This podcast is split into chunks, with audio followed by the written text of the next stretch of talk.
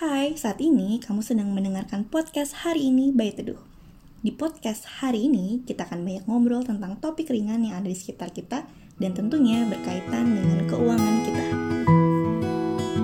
Halo semua, dengan masih bersama dengan saya Cynthia dan juga Halo semuanya, saya Sandra. Halo, kita semua ber, kita berdua sih masih di rumah aja. Di rumah aja. Rekam podcast jarak jauh sih. Bagaimana keadaan di rumah? Ya, alhamdulillah aman terkendali. Gimana Mbak Ah. Cynthia di rumahnya? Eh, iya lumayan terkendali dengan gangguan-gangguan kecil.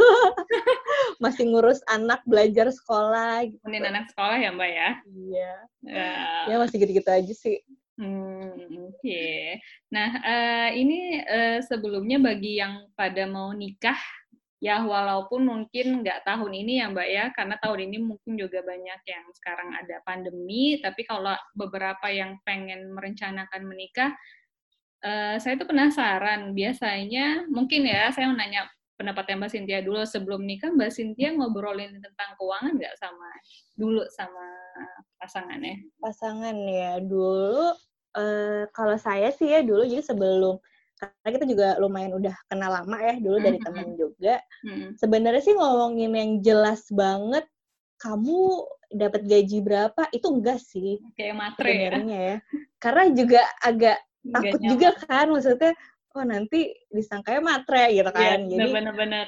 iya kalau kamu juga gitu nggak sih kayak nanya nggak sih Enggak. Ah, Enggak juga eh, ya? implisit sih.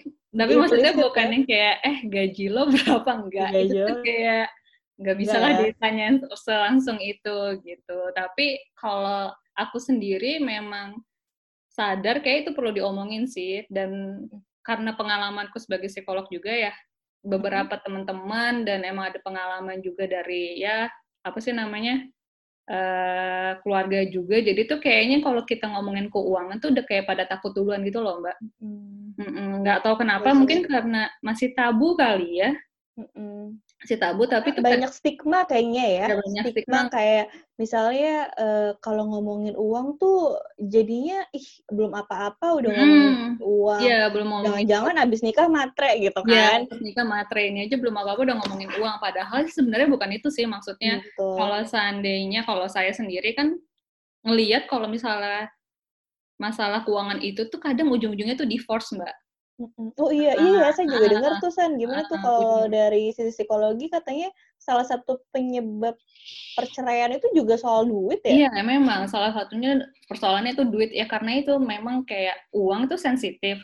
Tapi pada akhirnya pada ngomong-ngomongin dan akhirnya tuh jadi jadi kayak sumber masalah dalam pernikahan gitu. Mm-mm. Sebenarnya sih kalau bagi kamu-kamu nih yang mau menikah, sebenarnya memang lebih baik sih terbuka sih ya untuk masalah keuangan. Maksudnya bukan yang kamu gajinya berapa terus habis itu kayak aduh kayaknya nih nggak bisa diharapkan kayak gitu sih sebenarnya. Tapi kayak ya udah ini kira-kira eh, saya tipikal orangnya yang emang ngabisin duit banyak atau atau mungkin pasangan lebih cenderung boros jadi kayak kita lihat kepribadiannya kira-kira ini bisa jalan nggak ya ke depannya kayak gitu kalau mbak Cynthia sendiri gimana?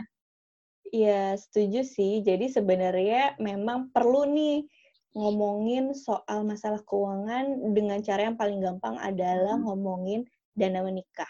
Nah, itu Oh iya, dari kita buat trigger itu ya, kayak misalnya gini, kita mau menikah nih, eh, kira-kira dananya dari mana ya? Kita bisa nggak ya eh, berhitung dulu dari oh iya, sekarang betul. dan menyiapkan dananya dari sekarang. Nah, itu mungkin punya target menurut saya dengan punya target bersama kita jadi punya satu poin yang jelas lah. Jadi kita nggak usah ngomongin kamu gajinya berapa. Cuma kalau misalnya dengan kita punya target, misalnya kita punya target menikah dengan adat Jawa misalnya Mhm, mhm. lengkap biayanya misalnya jatuhnya 200 juta misalnya ya Mm-mm. kan orang-orang beda-beda nih misalnya targetnya 200 juta kira-kira kamu bisa nggak gitu terus nanti uh, dia yang harus hitung sendiri kita Hmm. nggak akan nanya akan implisit itu sebenarnya implisit sih untuk nanya kamu mampu nggak untuk untuk menyumbang berapa persennya implisit ya sebenarnya tapi uh, itu mungkin bisa jadi trigger apakah dia bisa terbuka atau enggak gitu Uh, terus yang kedua bisa juga uh, itu juga sarana untuk bernegosiasi kan Iya, pada betul. pada akhirnya di dalam sebuah pernikahan Iya, kita kan nggak mungkin mulus-mulus aja ya. Pasti Iya. kan kita selalu bernegosiasi dengan pasangan gitu. Mungkin itu bisa jadi langkah awal sih. Jadi kita ngomongin yang berat dulu sebelum nanti akhirnya lebih smooth ke depannya ketika menikah. Menurut kamu gimana tuh, San?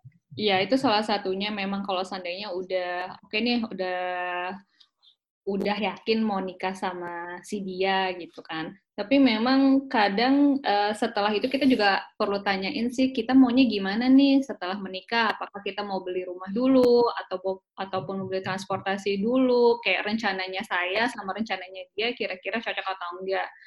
Kalau misalnya kita mau beli rumah dulu kan berarti kan kita kayak misalnya harus merencanakan kan Mbak ini nantinya kira-kira gimana dan lain sebagainya. Atau mungkin kayak kadang ada yang sebagai bakti orang tua eh, anak kepada orang tua kan kita kadang mau ngasih apa sih istilahnya kayak oh, uang ya. uh, kayak allowance ya misalnya allowance. kayak ke orang tua gitu kan terus menurut misalnya pendapatnya si pasangan kira-kira gimana kalau saya ngasih ke keluarga dan lain sebagainya kayak obrolan-obrolan kecil tapi dalam tensi yang rendah ya iya mungkin yeah. bisa betul sih kayak penting juga sih apalagi juga ada beberapa uh, yang juga penting diomongin sebelum menikah uh, selain juga uang adalah bagaimana uh, kan ngomongin kerencanaan keuangan itu sebenarnya bukan mm -hmm. cara bukan menghabiskan uangnya aja kan, yeah. tapi juga bagaimana menghasilkan uang. Apakah mm -hmm. misalnya setelah menikah uh, si istri itu biasanya nih istrinya yeah. tuh yang nggak boleh bekerja misalnya, ada beberapa yang kayak gitu. Mungkin itu bisa diomongin dari awal mm -hmm. biar nanti uh, ke depannya tuh tidak menjadi konflik gitu. Jadi yeah, yeah, betul. Uh, disepakati dulu kalau misalnya memang boleh atau enggaknya gitu. Terus kalau misalnya enggak tuh kenapa gitu. Atau mungkin dari diri istrinya sendiri saya udah yakin nih kalau misalnya apa namanya saya mau berbakti kepada mm -hmm. uh, suami pada keluarga pada suami mm -hmm. dengan cara menjaga anak di rumah gitu dan berkarya dengan cara ini gitu. Mungkin itu juga bisa diobrolin sih. Tapi memang penting ya San ya untuk mm -hmm. ngobrolin uh, masalah keuangan dengan pasangan, calon pasangan sih ya jadinya. Mm-hmm. Ya nggak sih calon pasangan sebelum menikah gitu. Yeah. Jadi apa aja tadi yang mesti diomongin ya sebelum calon pasangan sebelum menikah? Ini sih ya kayak dana menikah. Kalau seandainya nggak mau langsung tanya, ini kamu kira-kira berapa penghasilannya? Hmm, Sebenarnya bukan masalah penghasilan sih, tapi lebih kayak nanti kita gaya kali ya, gaya. Uh, uh, kita nanti hidup gimana uh, apa mengelolanya. Terus habis itu Uh, kolom satunya lagi itu kalau seandainya saya nggak kerja ketika setelah menikah kira-kira gimana nih nanti ke depannya? Uh, apakah uh, apa namanya sumber pendapatan hanya dari suami saja dan bagaimana ngelolanya? Sama yang terpenting karena dari pengalaman tuh banyak juga yang ngerasa kayak aduh kalau gue nanya keuangan tuh gue takut disangka mater. Jadi kayak udah ada kekhawatiran kekhawatiran gitu loh mbak. Yang menurutku tuh kayak uh, ya dicoba dulu bukan karena kita mau matre gitu loh. Maksudnya mm. ya kita tuh nanya keuangan bukan mau nguruk duitnya dia tapi lebih kayak kamu sama saya punya value yang sama nggak tentang uang? Seperti itu. Mm. karena kan ya namanya juga rumah tangga kan nggak cuma cinta aja ya mbak ya Iya benar benar benar benar. Jadi tadi seperti ini penting banget nih ya untuk ternyata ngobrolin bersama dengan calon pasangan yeah.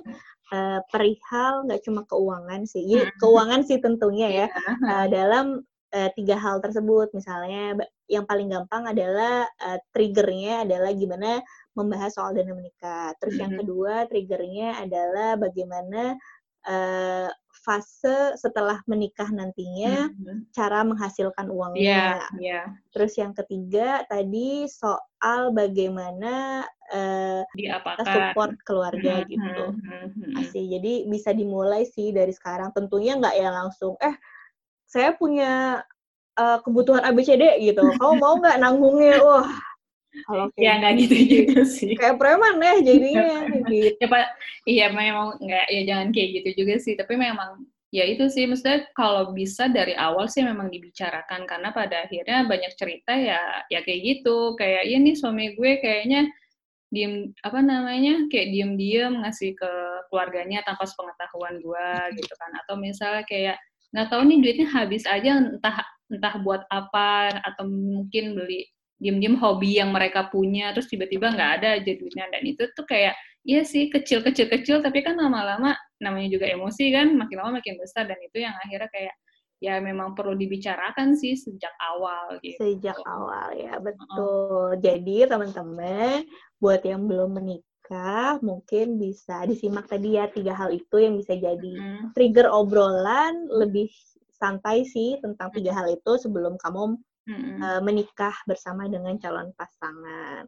Kamu juga bisa lebih lanjut dengerin soal topik ini di uh, kelas kita ya, Stan ya? Iya, di wedding planning. Wedding planning. Iya. Di wedding planning kita juga ngobrolin lebih lanjut soal ngerencanain dana menikahnya dan sebenarnya yang penting obrolan apa sih yang harus kita omongin sama calon pasangan dan keluarganya gitu karena kita sudah tahu kalau ketika udah menikah udah pasti kita nggak cuma menikah sama calonnya kan sama tapi juga sama ya. calon keluarga besarnya gitu keluarga besarnya Oke, okay. okay, mungkin sekian dulu ya hari ini ya. uh, podcast kita. Uh, terima kasih sudah mendengarkan. Tetap di rumah aja. Tetap jaga kesehatan jaga kesehatan, kebersihan, jaga kesehatan dan jaga, dan jaga kewarasan. oh iya, dan juga jaga kewarasan, tetap keep kontak sama teman-teman yeah. yang lain yeah. supaya kamu tetap sehat lahir batin lah ya. Ya, amin. Terima kasih. Okay. Terima kasih. Sampai jumpa. Terima kasih kamu telah mendengarkan podcast hari ini by Teduh. Di episode berikutnya, kita masih akan ngobrol tentang topik menarik seputar kehidupan dan keuangan. Jangan lupa untuk sisihkan waktu buat dirimu.